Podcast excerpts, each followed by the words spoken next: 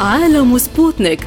تغطية إخبارية موضوعية لأهم الأحداث حول العالم. يلقي الضوء على أهم الأخبار السياسية. والاقتصادية. والرياضية. وجولة مع الأخبار الخفيفة من سبوتنيك بريك في عالم سبوتنيك. أهلا بكم في حلقة جديدة من عالم سبوتنيك. معكم فيها خالد عبد الجبار وعبد الله حميد والبداية بأبرز العناوين.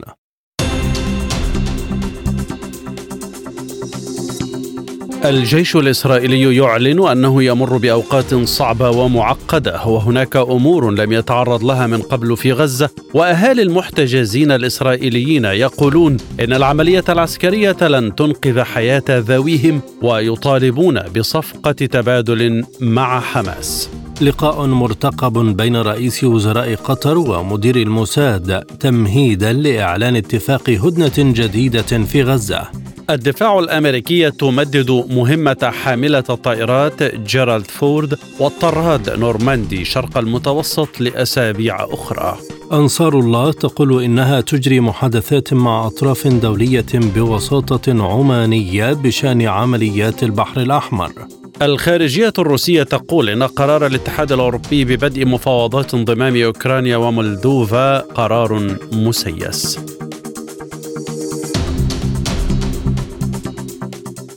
إلى التفاصيل قال بيني جانس أحد قادة الحرب في الحكومة الإسرائيلية إنه لا بد من مواصلة العمليات العسكرية في غزة للقضاء على حركة حماس وأضاف جانس خلال مؤتمر صحفي لقادة الحرب في الحكومة الإسرائيلية إن الجيش الإسرائيلي يخوض حربا صعبة ومركبة وأليمة بسبب خسارة عدد من الجنود منذ السابع من أكتوبر. وقال رئيس الوزراء بنيامين نتنياهو إن إسرائيل تخوض حربا صعبة داخل قطاع غزة مع المقاومة الفلسطينية. في الوقت نفسه قال المتحدث باسم الجيش الإسرائيلي دانيال هاجاري إن الجيش الإسرائيلي قتل ثلاث رهائن إسرائيليين في غزة. تم تحديدهم عن طريق الخطأ على أنهم يشكلون تهديدا وقتلوا بالرصاص. وقال هافاري إن الجيش يمر بأوقات صعبة ومعقدة وهناك أمور لم يتعرض لها من قبل.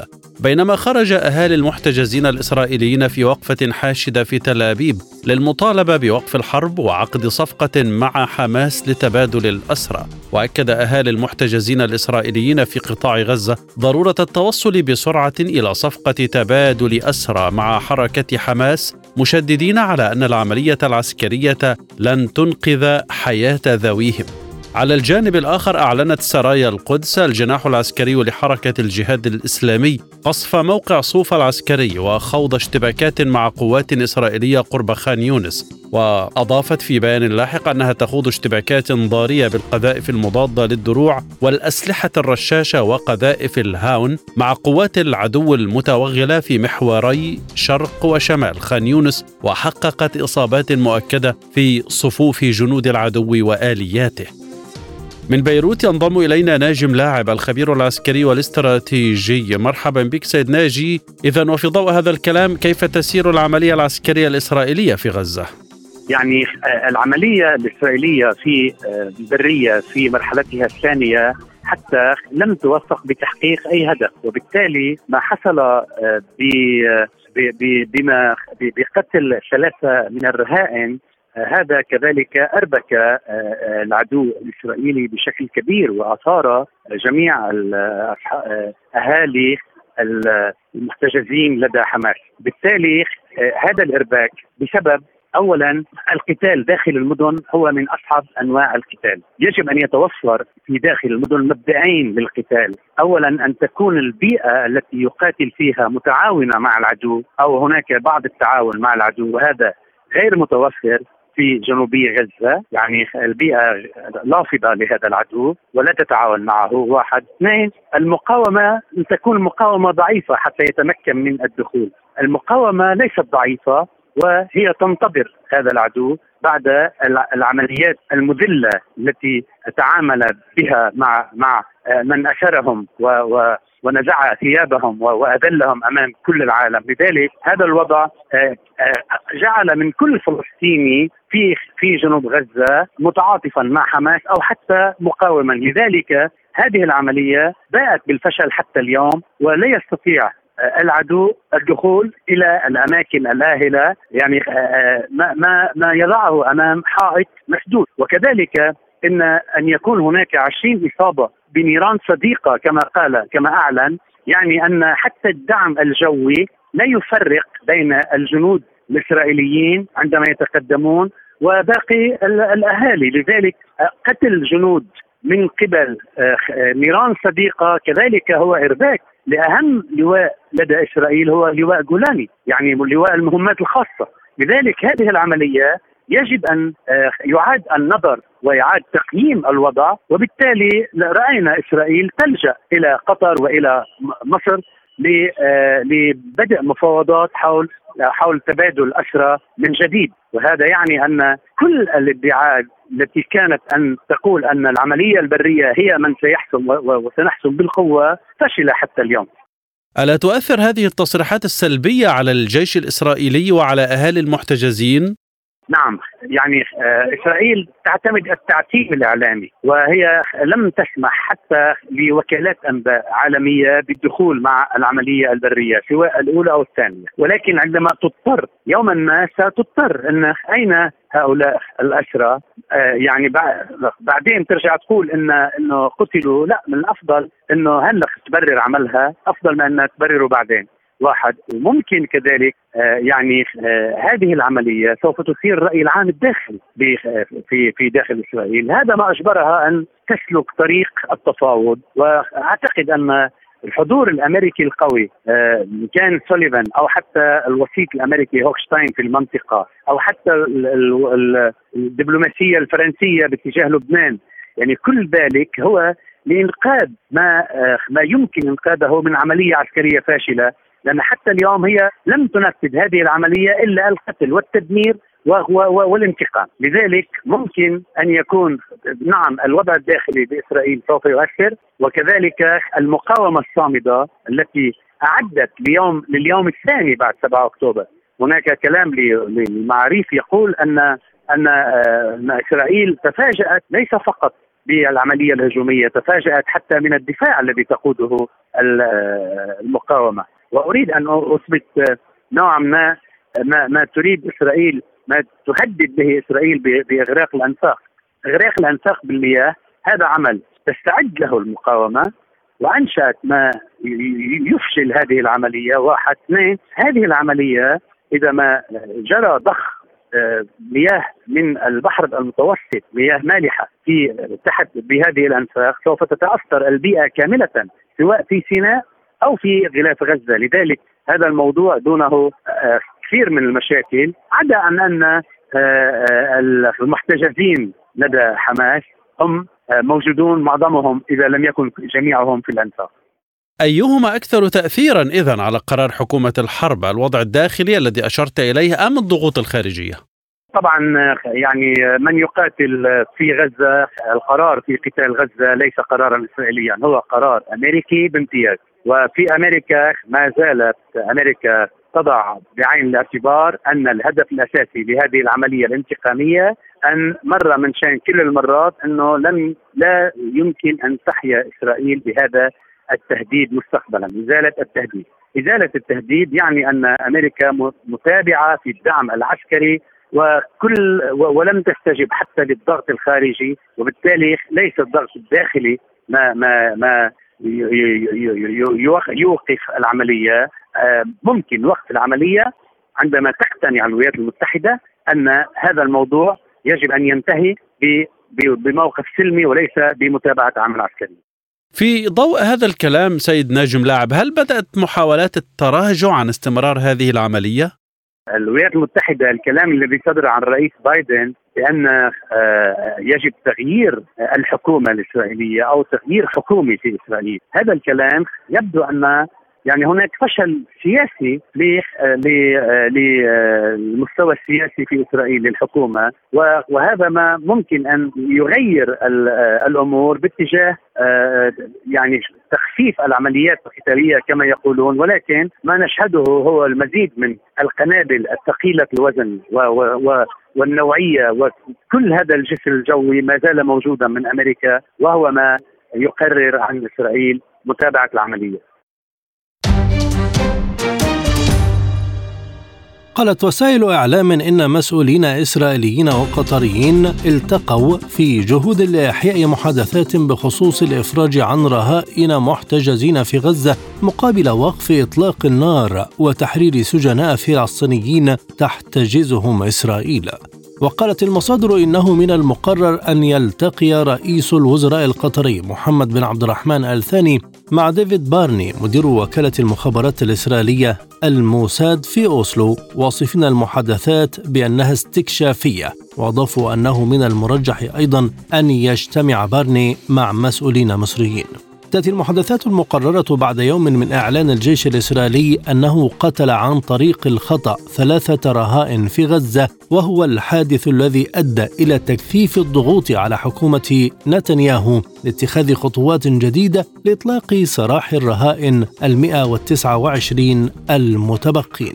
وتهدف المفاوضات القطرية الإسرائيلية إلى صياغة اتفاقية هدنة إنسانية جديدة بين إسرائيل وحماس تستمر لمدة أسبوع كامل وسيتم الإعلان عنها فور الاتفاق على التفاصيل النهائية بين الطرفين. وبحسب المصادر من المتوقع أن يتضمن الاتفاق إطلاق سراح أسرى فلسطينيين ذوي محكوميات عالية وقادة بارزين وذلك مقابل الإفراج عن المدنيين والنساء والأطفال الإسرائيليين المحتجزين لدى حماس بالإضافة إلى تسليم جثث لجنود إسرائيليين.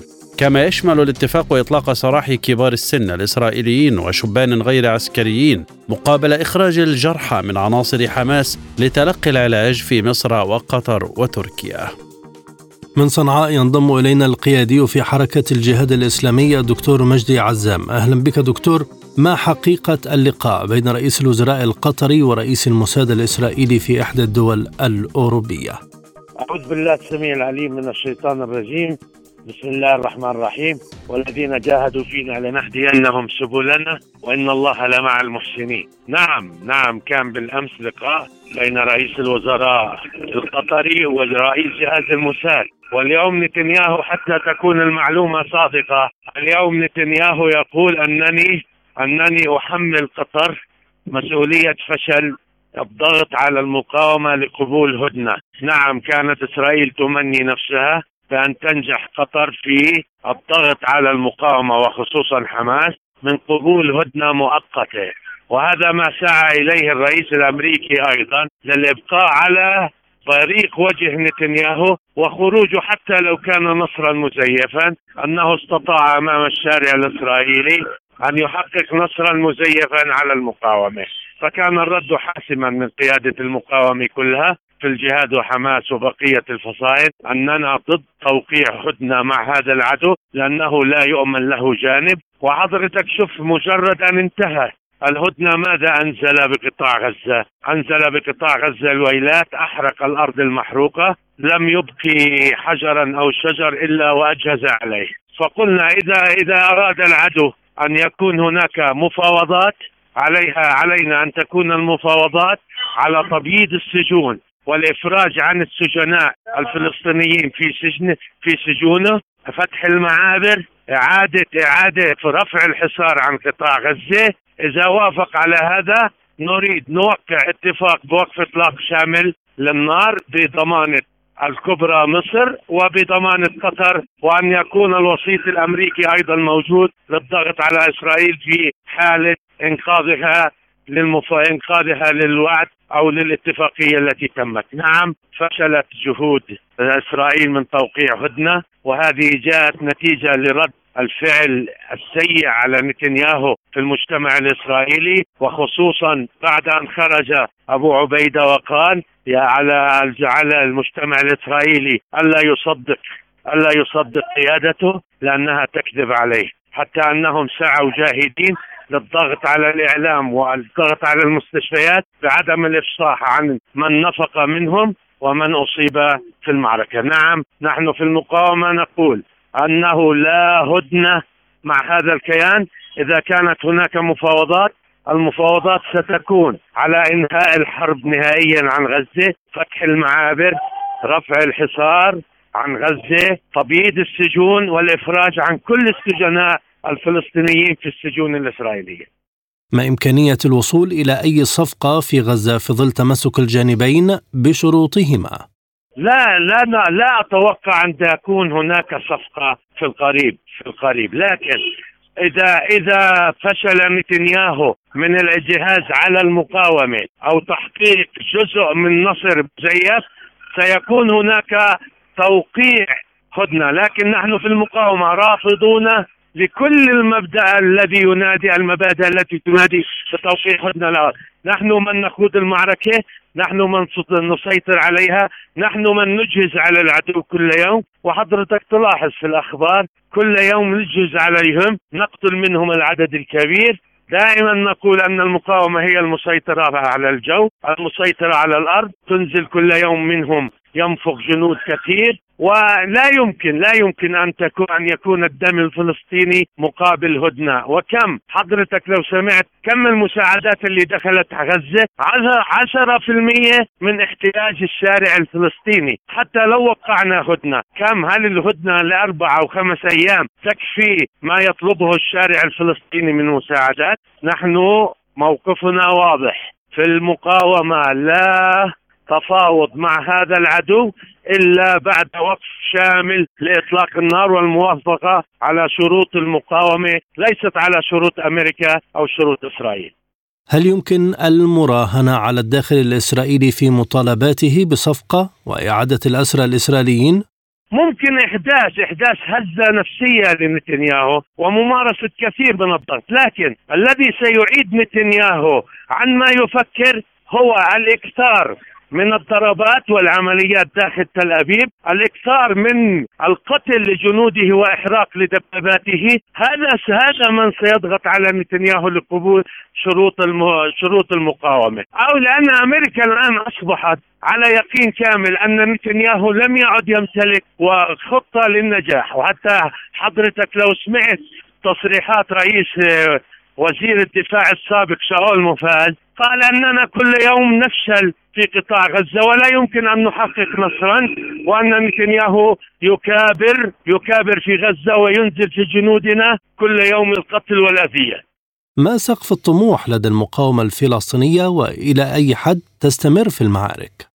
نحن نحن ثابتون حتى لو استمرت المعركة لأشهر نحن قادرون على خوضها كما لو أنها أول يوم. نحن السقف عندنا. أن الدم الفلسطيني لا يمكن أن يستهان به. 18900 اليوم عدد الشهداء و51 ألف عدد الجرحى. هل هذا أما سنقبل به هدنة فقط؟ هذا مقابل تحرير كامل لقطاع غزة وسيكون هناك لأننا نحن على أبواب النصر وأشراط النصر. ما عادت إسرائيل قوية إسرائيل تحتضر إسرائيل في أضعف حلقاتها أمريكا كذلك. لا بد للمقاومة أن تغتنم اللحظة وتهزم وتهزم نتنياهو على الأرض. حتى كل من يدور في فلك نتنياهو يمارس الضغط عليه بقبول شروط المقاومة. حتى لو كان هذا سيؤدي إلى زوال نتنياهو عن المشهد لأنه نهاية من نتائج الحرب على غزة.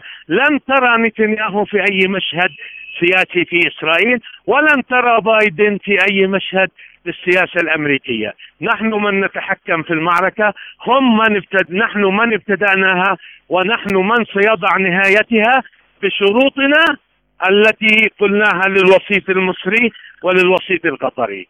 أنه وقف شامل لإطلاق النار تبييض السجون من من آخر سجين فلسطيني فتح المعابر اعاده إعادة إعمار غزة كما كانت قبل الحرب هذه هي شروطنا فعلى نتنياهو إذا أراد حلا لمأزقه في غزة أن يقبل بشروط المقاومة غير ذلك لن نسمح لنتنياهو أن يحقق نصرا حتى لو كان مزيفا. ذكرت وسائل اعلامنا أن حاملة الطائرات الأمريكية يو إس إس جيرالد فورد ستبقى في شرقي البحر المتوسط لأسابيع أخرى وكذلك الحال بالنسبة للطراد الصاروخي يو إس إس نورماندي. وقالت وكالة الأناضول نقلا عن مسؤولين أمريكيين فضلوا عدم الكشف عن هويتهم. إن الدفاع الامريكيه أمرت ببقاء الوحدات البحرية الأمريكية بالقرب من إسرائيل مع استمرار الحرب على غزة. وبحسب ما ذكرته الوكالة فإن وزير الدفاع الأمريكي لويد أوستن مدد مهمة حاملة الطائرات جيرالد فورد في المنطقة للمرة الثالثة حيث يواصل البنتاغون تعزيز وجوده العسكري شرق البحر المتوسط منذ انطلاق عملية طوفان الأقصى التي أعلنتها حركة حماس في السابع من أكتوبر تشرين الأول الماضي. وتمتلك الولايات المتحدة حاملتي طائرات في المنطقة وهو أمر نادر في السنوات الأخيرة. وتقوم فصائل مسلحة في العراق وسوريا بشن هجمات منتظمة بالصواريخ والطائرات من دون طيار والقذائف على المنشآت العسكرية الأمريكية في البلدين. في الوقت نفسه اعترضت سفن حربية أمريكية في البحر الأحمر صواريخ أطلقتها حركة أنصار الله الحوثية باتجاه إسرائيل وأسقطت القوات الأمريكية أيضا طائرات من دون طيار هجومية متجهة نحو السفن واستجابت لنداءات المساعدة من السفن التجارية التي تعرضت لهجمات الحوثيين المستمرة قرب مضيق باب المندب. من عمان ينضم إلينا الدكتور بشير الدعجة الخبير الأمني والاستراتيجي. أهلا بك دكتور. هل حاملة الطائرات ترتبط حاليا فقط بالحرب الإسرائيلية على غزة؟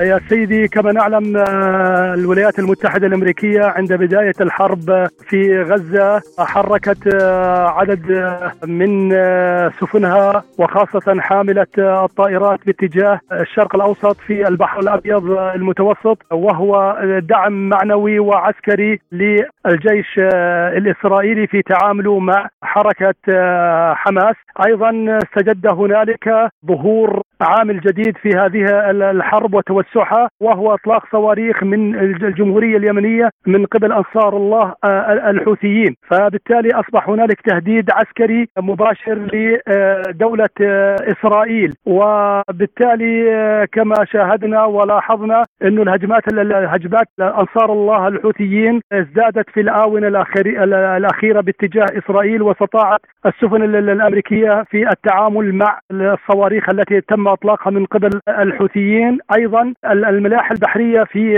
في باب البندب والبحر بحر العرب أصبحت في خطورة حسب وجهة النظر أوروبا والأمريكيين. فبالتالي وجود هذه الحاملة وتمديدها لعدة حاملة حاملة الحاملة أو البارجة الأمريكية وتمديدها لعدة أسابيع قادمة هو ما يخدم الملاحة البحرية من وجهة النظر الامريكي الأمريكان ومحاولة السيطرة على الصواريخ التي تطلقها يطلقها الحوثيين والتعامل مع الملاحة البحرية والقرصنة بمفهومهم حسب زعمهم من قبل الحوثيين كيف يؤثر وجود هذه الحاملة على الأوضاع في المنطقة برأيك؟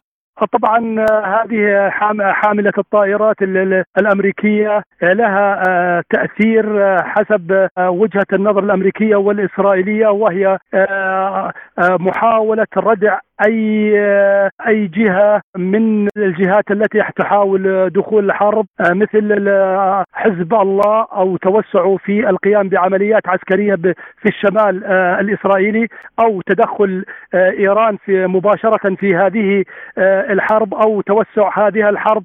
لتشمل دول ومنظمات عسكرية أخرى. فوجود هذه الحاملة هي عملية ردع من قبل الأمريكان لأي جهة في الشرق الأوسط لمحاولة آه، توسيع دائرة الحرب أو التدخل في آه، الحرب الدائرة بين الجيش الإسرائيلي وحركة آه، حماس. فهي عملية ردع لا أكثر. هل أصبحت المصالح الأمريكية مهددة بحيث يمكن أن تبقى هذه الحاملة وغيرها لفترة طويلة؟ آه نعم يا سيدي ال ال ال المصالح الأمريكية في الشرق الأوسط آه، أصبحت آه، آه، تحت التهديد وأيضا تحت إطلاق العيارات النارية والنار وكما نعلم هنالك هجوم على القواعد الأمريكية في العراق وفي وفي سوريا وأيضا منع الملاحة البحرية وتوجه السفن باتجاه إسرائيل. ونحن نعلم إسرائيل الداعمة لها هي أمريكا فأعتقد وجود هذه البارجة أيضا وجودها آه، في منطقة الشرق الأوسط هي لحماية المصالح الأمريكية ومحاولة ردع آه، آه، إيران وأذرعتها في المنطقة المتمثلة بحزب الله وأنصار الله في العراق وانصار الله الحوثيين في في اليمن وذلك لمنعهم من التوسع في تهديد المصالح الأمريكية أو الهجوم على القواعد الأمريكية بشكل أكثر مما هو عليه الآن وإذا استمر الوضع وازدادت الهجمات هجمات اذرع إيران في المنطقة على القواعد والمصالح الأمريكية أعتقد إن إن أمريكا سوف تتدخل مباشرة من خلال وجود هذه البارجة أو من خلال قواعدها المنتشرة في الشرق الأوسط لحماية مصالحها. دكتور بشير هناك انباء تتردد حول توجيه ضربه لأنصار الله في اليمن هل ستكون من خلال هذه الحاملة للطائرات إذا تم إقرارها؟ أعتقد آه، وكما قرأنا في وسائل الإعلام مختلفه بأن الطيران الحربي آه، قام بالأمس بالتحليق فوق آه، فوق اليمن وهذه أول مرة يقوم الطيران الإسرائيلي بالتحليق فوق اليمن وهذه رسالة مباشرة من قبل دولة إسرائيل التي تحتضنها أمريكا للحوثيين أو انصار أنصار الله. رسالة بأنه في أي لحظة ممكن يتم توجيه ضربة جوية مباشرة إلى الحوثيين ومناطقهم الاستراتيجية في اليمن. وأعتقد وجود هذه البارجة إذا ما تعرضت المصالح الأمريكية بشكل أكبر وتهديد أكثر لقواعدها في المنطقة سوف تتدخل لمنع توسيع الهجمات العسكرية والهجمات على قواعدها وممكن يتعدى ذلك إلى مصالحها تهديد مصالحها في عدد من المناطق. ماذا يعني تمديد مهمة حاملة الطائرات لأسابيع أخرى؟ برأيك هل تستمر الحرب على غزة لفترة أكبر؟ كما نعلم بانه الرئيس الأمريكي بايدن آه، أعطى مهلة حقيقة لرئيس الوزراء الإسرائيلي نتنياهو آه، بأن ينهي هذه الحرب مع نهاية هذه آه، السنة. لكن إسرائيل وممثلة بنتنياهو لديه حقيقة مصالح شخصية في هذه الحرب وهو يقود الحرب الآن لمصالحه الشخصية أكثر من مصالح الكيان الإسرائيلي. فهو يحاول تحقيق انتصارات وتحقيق انجازات قبل أن يتم تقديمه للمحاكمة. وكما نعلم إنه الرئيس الرئيسي رئيس الحكومة الإسرائيلية نتنياهو سياسيا هو انتهى فعليا وهو الآن سوف يجلس ل أو الحضور للمحكمة لحضور آه، لمناقشة التهم المسندة آه، إليه. فهي آه، أعتقد إن الحرب سوف تستمر لأن إسرائيل حتى هذه اللحظة لم تحقق أي هدف من الأهداف التي أعلنتها في حربها على قطاع غزة منها تفكيك حركة المقاومة الإسلامية حماس القضاء على قيادات حماس وتحرير المحتجزين والأسرى. ولغاية هذه اللحظة لم يتم تحقيق هذا آه، أي هدف من هذه آه، الأهداف المعلنة آه، من هذه الحرب على غزة بعد مرور حوالي شهرين ونصف تقريبا من هذه الحرب. فالحرب سوف تستمر إلا إذا أصبح هنالك ضغط أوروبي وضغط أمريكي على رئيس الوزراء الإسرائيلي نتنياهو لوقف هذه الحرب. فاصل قصير نذهب بعده إلى جولة من الأخبار حول العالم. عالم سبوتنيك يغطي جميع الأحداث السياسية والاقتصادية والرياضية حول العالم. على مدار ساعة تتابعون عالم سبوتنيك مع أهم خبراء التحليل السياسي والاقتصادي. نقترب معكم في متابعة دقيقة من القضايا السياسية والاقتصادية، كما نستعرض أهم الأخبار الرياضية والفنية والبيئية. انتظروا عالم سبوتنيك أيام الجمعة والسبت والأحد من كل أسبوع. ملفات ساخنة. برنامج يسلط الضوء على أهم القضايا الحرجة في العالم.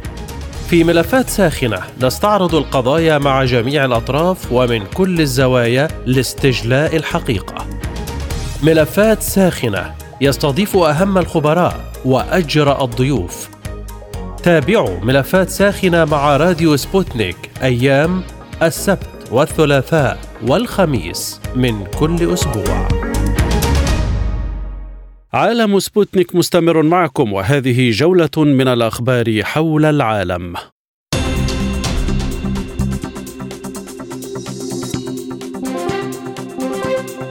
وصف الرئيس الروسي فلاديمير بوتين تصريحات الرئيس الأمريكي جو بايدن بأن موسكو قد تهاجم حلف شمال الأطلسي بأنها هراء.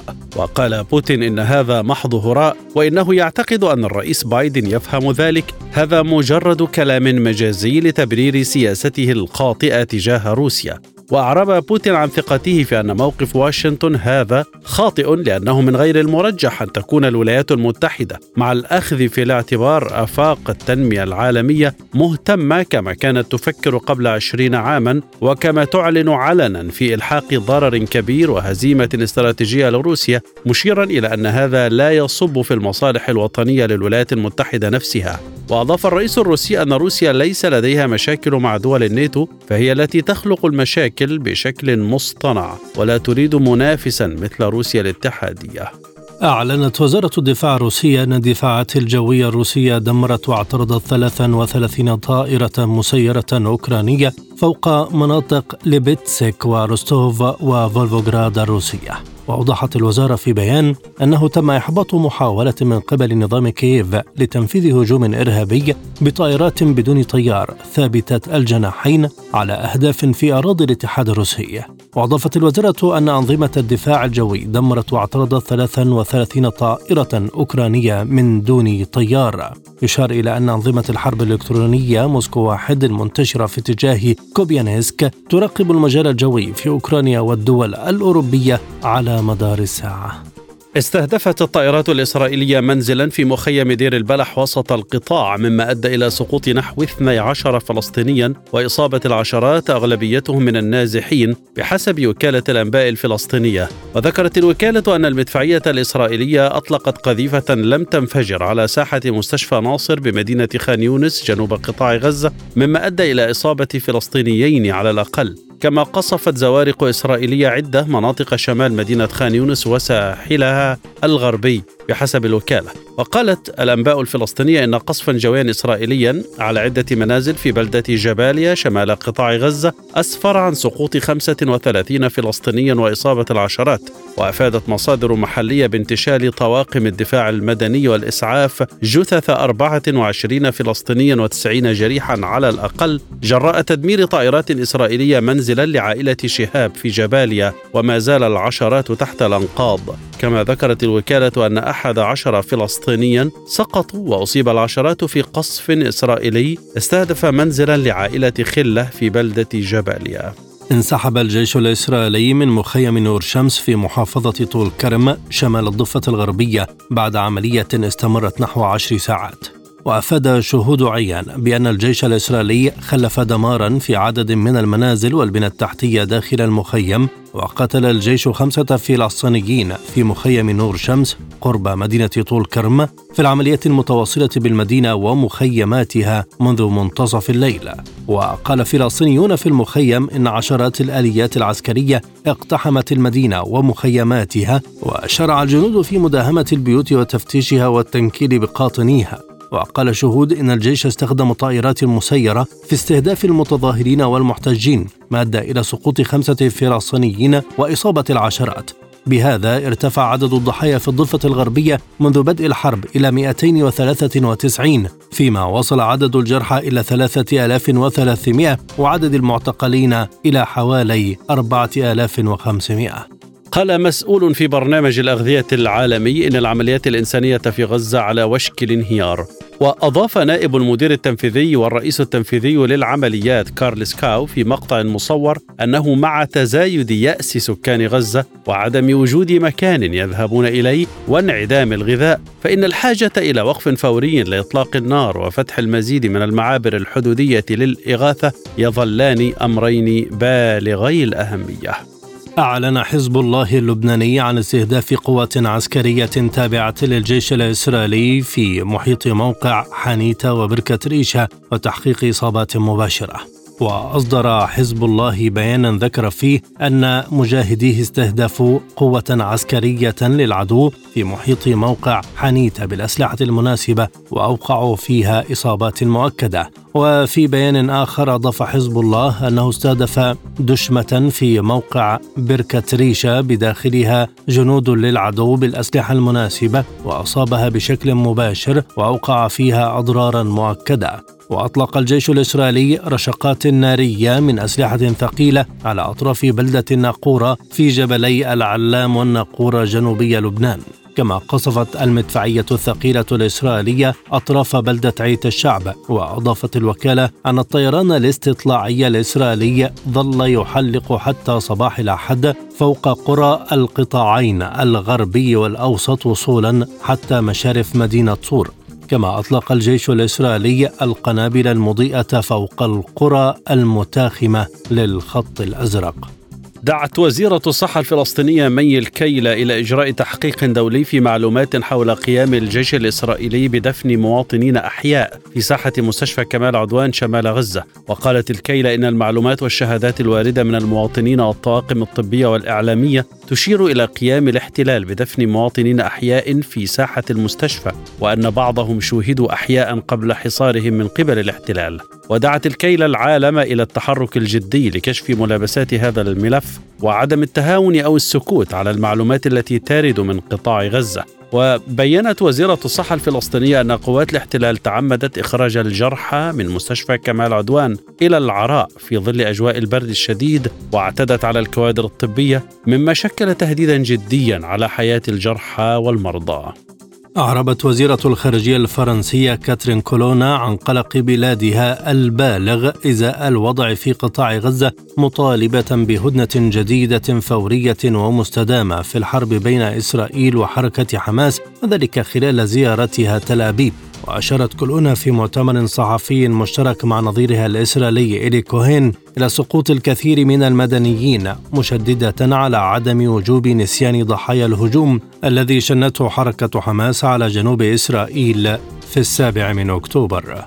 ذكرت هيئة البث الإسرائيلية أن الولايات المتحدة أقنعت إسرائيل بتحويل أموال المقاصة الفلسطينية مقابل تعهد السلطة الفلسطينية بتقديم قائمة بأسماء الموظفين الذين ستحول لهم الرواتب على ألا تشمل موظفين تابعين لحركة حماس. وأضافت الهيئة أن إسرائيل والسلطة الفلسطينية توصلتا إلى اتفاق جديد بشأن تحويل أموال الضرائب التي تجمعها إسرائيل لصالح السلطة الفلسطينية. وبموجب الترتيب الجديد الذي توسطت فيه الولايات المتحدة ستتمكن إسرائيل من التحقق من أسماء متلقي الرواتب في قطاع غزة. وبحسب الهيئة يأتي الاتفاق في أعقاب موافقة رئيس السلطة الفلسطينية محمود عباس على اقتراح مستشار الأمن القومي جاك سوليفان بإرسال قائمة بأسماء المستفيدين من الرواتب. نفت مصادر في وزارتي النقل والصناعة والتجارة الأردنية تقارير منسوبة لوسائل إعلام عبرية ومتداولة على مواقع التواصل بشأن وجود جسر بري بديل للبحر الأحمر عبر موانئ دبي مرورا بالمملكة العربية السعودية والأردن لنقل بضائع إلى إسرائيل. وأكدت المصادر أن موقف الحكومة الأردنية واضح بشأن دعم الأشقاء الفلسطينيين والوقوف إلى جانبهم بكل الوسائل وأن مثل هذه الادعاءات مرفوضة وهي منشورات هدفها التشويش على الموقف الأردني الثابت تجاه ما يجري في قطاع غزة من عدوان إسرائيلي غاشم. حثت وزارة الخارجية الأمريكية قوات الدعم السريع السودانية على وقف تقدمها فورا في ولاية الجزيرة وسط السودان وعدم مهاجمة مدينة ود مدني. ودعت الوزارة الأمريكية الجيش السوداني في بيان إلى تجنب الاشتباك مع قوات الدعم السريع في الولاية حتى لا تتعرض حياة المدنيين للخطر. وقالت الوزارة إن هناك تقارير مثيرة للقلق تشير إلى أن وحدات النخبة من قوات الدعم السريع توجهت لتعزيز الهجمات في اتجاه ود مدني مما يعرض حياة المدنيين للخطر بطريقة تتعارض مع مزاعم قوات الدعم السريع المعلنة بأنها تقاتل لحماية الشعب السوداني. وأضافت أن التقدم المستمر لقوات الدعم السريع قد يؤدي إلى إلحاق خسائر في صفوف المدنيين وتعطيل كبير لجهود المساعدة الإنسانية لأن المدينة ملاذ آمن للمدنيين النازحين ومركز مهم لجهود الإغاثة.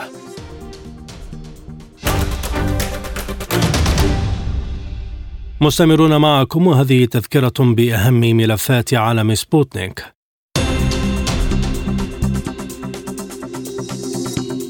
الجيش الإسرائيلي يعلن أنه يمر بأوقات صعبة ومعقدة وهناك أمور لم يتعرض لها من قبل في غزة وأهالي المحتجزين الإسرائيليين يقولون إن العملية العسكرية لن تنقذ حياة ذويهم ويطالبون بصفقة تبادل مع حماس.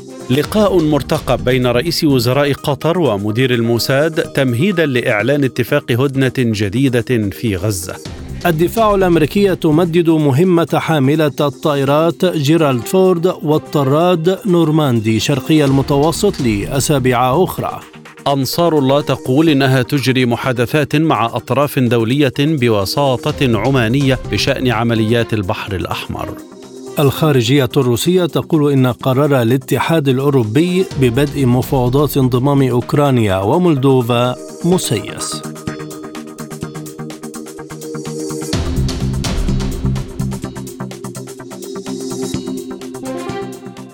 عالم سبوتنيك مستمر معكم وهذه عودة إلى ملفات هذه الحلقة.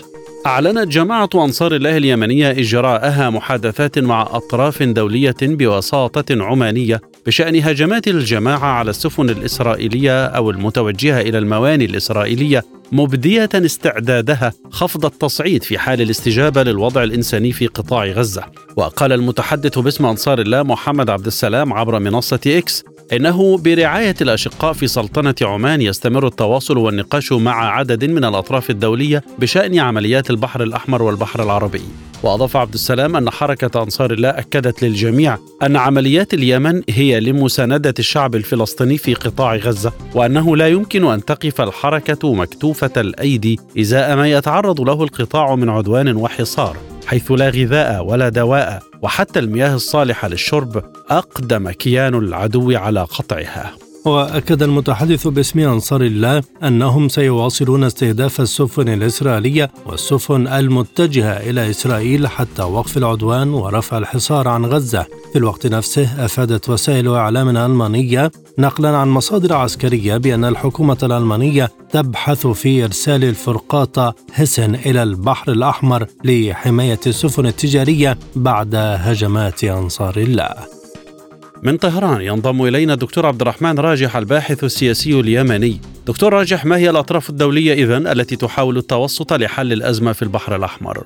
أعتقد إن ما أشار إليه المتحدث باسم حركة أنصار الله محمد عبد السلام حول موضوع المحادثات إن هناك إشارة إلى عمان وقد تكون عمان وسيط بين أنصار الله والجانب الأمريكي لذلك قد يكون هناك محادثات غير مباشرة مع الجانب الأمريكي حول ما يحدث في باب المندب والبحر الأحمر. لكن ما هي الصيغة التي تتوقعها ويمكن أن تحل وفقها مشكلة البحر الأحمر مع الحوثيين؟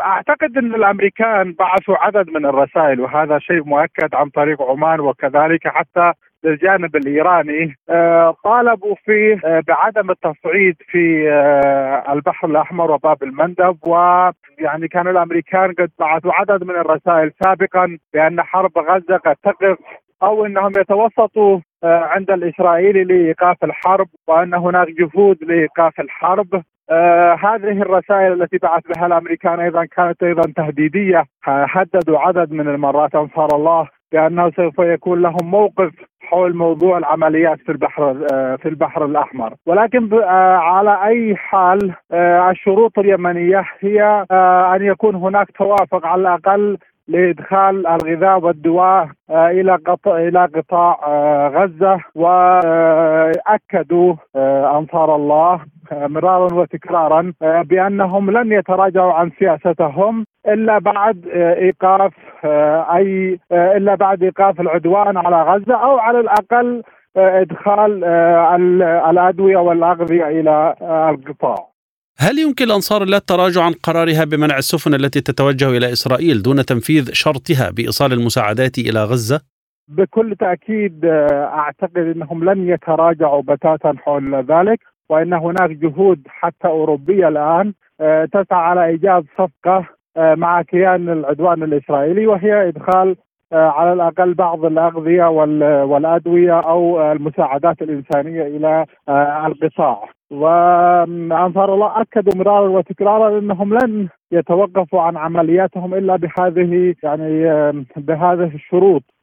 بكل تأكيد إن الجانب حتى الجانب الإسرائيلي بدا يدرك مدى خطورة الوضع في البحر الأحمر وبدأ حتى رسائل متعددة يرسلها إلى يطالبهم بالتدخل في موضوع اليمن. والتدخل العسكري أعتقد إنه غير مفيد. آه، لذلك آه، بكل تأكيد فإن الجانب الأمريكي والجانب الغربي سيرضخون لشروط أنصار الله لإيجاد أي حلول لإيقاف هذه آه، الأزمة التي تشكل خطر كبير جدا على التجارة الدولية وعلى موضوع إسرائيل بكل يعني بشكل محدد. لكن هل أصبح تهديد أنصار الله يؤدي بالفعل إلى خسائر اقتصادية عالمية دكتور راجح؟ بالتأكيد أنصار الله حاولوا منذ البداية أن يبعثوا بالرسائل إلى جميع الشركات آه، العالمية والمجتمع الدولي بأن بأن حصارهم أو ما يقوموا به من عمليات آه، هو آه، ضد المصالح الإسرائيلية والسفن المتوجهة لاسرائيل وهو ضغط على إسرائيل بشكل مباشر. ولكن أعتقد أن هناك لعبة أمريكية غربية إسرائيلية أدت إلى أن تقوم أغلب الشركات العالمية بإيقاف بإيقاف النشاط التجاري عبر البحر الأحمر وباب المندب. وهي آه، تعمل على تأجيج الرأي العالمي وخاصة تأجيج آه، موضوع مصر. يعني هي تريد أن آه، تضغط على مصر ليكون لها موقف. على ما يبدو أن الجانب الإسرائيلي وكذلك الجانب الأمريكي يعملوا على تأليب المجتمع الدولي على أنصار الله من خلال آه، إعلان جميع الشركات العالمية ايقاف نشاطها التجاري عبر آه، باب المندب والبحر الأحمر لكي تكون هناك ضغوط اقتصادية على مصر وأيضا آه، على المجتمع الدولي. ولكن أنصار الله أكدوا بكل تأكيد على إن عملياتهم لا تستهدف لا الجانب المصري ولا المجتمع الدولي وإن الحصار الاقتصادي الذي يقومون به هو فقط استهدف الكيان آه، الإسرائيلي وذلك من أجل آه، غزة وإدخال المساعدات اليها.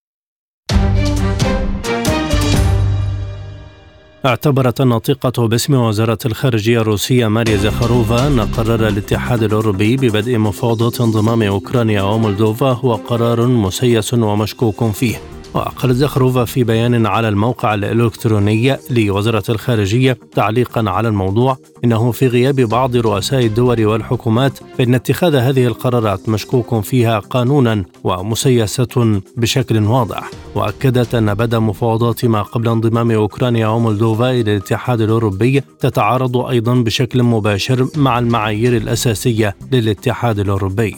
وأضافت زخاروفا أن قرار دول الاتحاد بالموافقة على الحزمة التالية من العقوبات ضد روسيا والتي هي مثل كل العقوبات السابقة ستسبب ضررا أكبر للاتحاد الأوروبي نفسه وهو أمر سخيف أيضا. هذا وأكد رئيس المجلس الأوروبي شارل ميشيل الخميس الماضي أن رؤساء الدول ورؤساء الحكومات الأعضاء في الاتحاد الأوروبي وافقوا على بدء مفاوضات انضمام أوكرانيا ومولدوفا إلى التكتل معتبرا أنها إشارة أمل واضحة لمواطني البلدين حسب تعبيره. من القاهرة ينضم إلينا السيد حسن بديع الكاتب والمحلل السياسي والاستراتيجي أهلا بك سيدي الكريم كيف يؤثر الموقف الروسي على مسار المفاوضات؟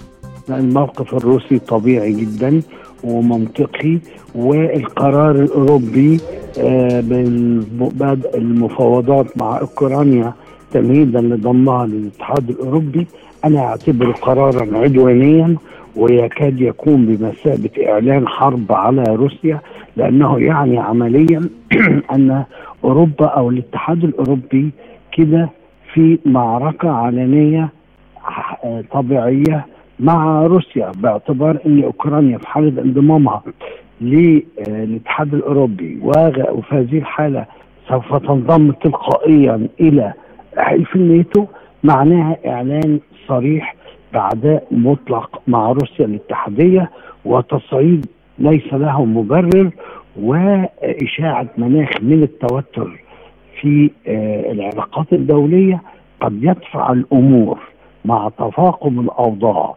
في المناطق الأخرى الملتهبة من العالم مثل منطقة البحر الأحمر الملتهبة وحرب آه، غزة الدائرة بين المقاومة الفلسطينية وقوات الاحتلال الإسرائيلية. وقد يدفع الأمور في هذه المناطق الملتهبة من العالم إلى ما لا يحمد عقباه. وقد يدخل العالم كله إلى مرحلة شديدة الخطورة تحمل معها نظر الحرب العالمية الثالثة. لماذا جاء قرار بدء المفاوضات في هذا التوقيت برأيك؟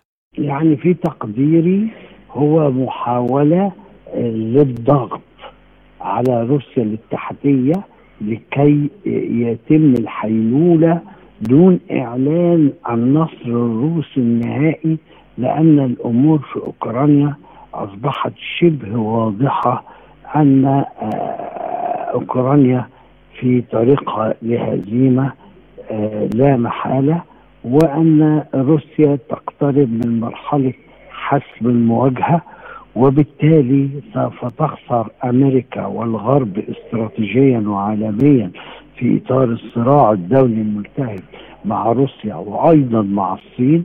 وقد يؤثر آه، والأكيد أن هذه الخسارة سوف تؤثر على مناطق أخرى ملتهبة في العالم وربما تكون محاولة أخيرة من قبل الغرب للضغط على روسيا لكي تقبل ولو ببعض شروط الغرب وهذا أمر يكاد يكون مستحيل.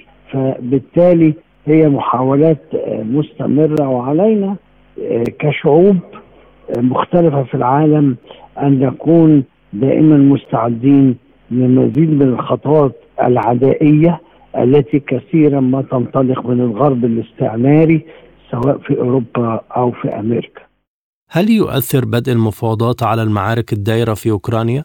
لا أعتقد أنه سوف يؤثر لأن الأمر لا يتغير كثيرا آه هو طبيعي هناك إمدادات هائلة ودعم غير محدود من قبل الاتحاد الأوروبي وأمريكا لأوكرانيا منذ اليوم الأول لاشتعال المعارك وبالتالي ليس هناك جديد وانما آه ربما تكون هذه الخطوة أيضا آه محاولة أخيرة للوصول لاتفاق مع روسيا آه، بحيث يتم تحقيق اتفاق يلبي الحد الأدنى من المصالح الأوروبية في ظل اكتساح روسي واضح أمام العالم أجمع ربما. لكن في النهاية لن يغير الأمر كثيرا لأن الكفه العسكريه واضحة تماما صالح روسيا. أوروبا استنزفت عسكريا واقتصاديا من جراء هذه الحرب. أمريكا أيضا قدمت الكثير بلا جدوى. آه، أوكرانيا ليس أمامها أي أمل في تحقيق أي انتصار من أي نوع. وبالتالي آه، أعتقد أن هذا القرار ربما يكون له اعتبارات سياسية واقتصادية. أكثر منه اعتبارات عسكرية لأنني أشك أن آه، تغامر أمريكا والناتو بمشاركة قوات بشكل رسمي في هذه الحرب. هم يشاركون بالدعم بالعتاد بالتمويل بالمرتزقة بشركات السلاح والمرتزقة المجرمين من جميع أنحاء العالم.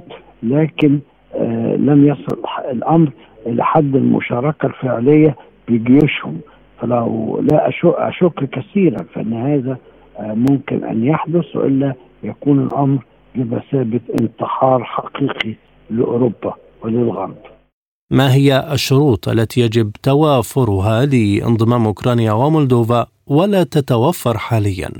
يعني دعنا من الشروط لأن الأمر لا يتوقف على شروط تتوفر أو لا تتوفر. الأمر مرتبط بقرار سياسي واستراتيجي، الأمر مرتبط بحسابات ومصالح استراتيجية واقتصادية وسياسية ومخابراتية، الأمر مرتبط بخطوات تتم في إطار الصراع الدولي والعالمي الملتهب مع روسيا ومع الصين والذي يأخذ اشكالا عديدة في الكثير والعديد من المجالات سواء على مستوى قرارات أو خطوات أو مفاوضات. الغرب ككل بجناحيه الاستعماري الأوروبي والأمريكي لا يأبأ كثيرا بالقانون الدولي ولا بالشروط الواجبة التحقيق ولا بأي, بأي من هذه الأمور على الإطلاق. هو لا يهتم إلا بتحقيق مصالحه بشكل عام وإذا كانت الشروط غير مواتية فإنهم يخلقون شروطا وإذا كانت مواتية فإنهم يمارسون دورهم المعتاد في العداء والاستعداء لكل ما هو محترم ويراعي مصالح الشعوب في العالم. هذه دول لا تهتم إلا بمصالحها الاستعمارية وفقط وتنظر نظرة استعلاء للشعوب أجمع وتصر على استمرار نظام القطب الأوحد ولا تتخيل أن يكون هناك عالم متعدد الأقطاب وإن كان بالفعل نحن الآن أزاء واقع جديد وهو عالم متعدد الأقطاب يضم روسيا ويضم الصين بجانب أمريكا وقد نقول الاتحاد الأوروبي اعتباطا باعتباره دين لأمريكا فهناك بالفعل عالم متعدد الأقطاب الآن وهي الحقيقة والواقع التي تسعى أمريكا والنيتو أن يمنعوا ظهورها أو تجسيدها على أرضية السياسة الدولية والعالمية. سيد حسن ما هي الاستراتيجية الروسية إذا تم انضمام أوكرانيا إلى الاتحاد الأوروبي؟ أعتقد أن الاستراتيجية الروسية واضحة الحفاظ على الأمن القومي الروسي واتخاذ دائما آه مزيد من الخطوات التي تحمي وتصون الأمن القومي الروسي وتحمي المصالح الاستراتيجية الروسية وتحقق المكاسب التي تحققت في العامين الماضيين. أعتقد أن هذا هو الموقف الطبيعي لروسيا وأي من هذه الخطوات لن يغير كثيرا من الميزان القوى الحالي ولن يؤثر تاثيرا سلبيا أكثر من المعتاد أو خارج الحسابات فيما يخص القوى الروسية. أعتقد أن ربما تكون يكون هذا الأمر مفاوضات أو أو تفكير جدي في إدخال أوكرانيا ومولدوفا للناتو ربما يكون من أساليب الحرب النفسية والدعائية لأن هذه الخطوة يعني عدائية وخطيرة وتعني إن هناك احتمال بنزول قوات نيتو وجها لوجه على الأرض الأوكرانية. وأعتقد سوف كما قلت أن سيكون هذا الأمر تصعيد خطير جدا. لا تتحمله أوروبا المرهقة والمستنزفة تماما. لا تتحمله أوروبا بل ولا تتحمله أمريكا نفسها التي تعاني من مشاكل جمه وتعاني من حرب اقتصادية ضروس مع الصين وتعاني من مشاكل عديدة في أماكن عديدة من العالم. ختام عالم سبوتنيك إليكم تذكرة بأبرز ملفات هذه الحلقة.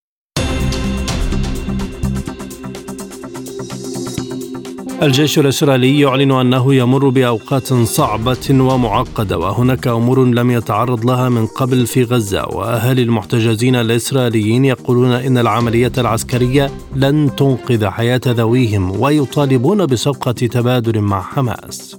لقاء مرتقب بين رئيس وزراء قطر ومدير الموساد تمهيدا لإعلان اتفاق هدنة جديدة في غزة. الدفاع الأمريكية تمدد مهمة حاملة الطائرات جيرالد فورد والطراد نورماندي شرقي المتوسط لأسابيع أخرى. أنصار لا تقول إنها تجري محادثات مع أطراف دولية بوساطة عمانية بشأن عمليات البحر الأحمر. الخارجية الروسية تقول إن قرار الاتحاد الأوروبي ببدء مفاوضات انضمام أوكرانيا ومولدوفا مسيس للمزيد زوروا موقعنا سبوتنيك dot ae.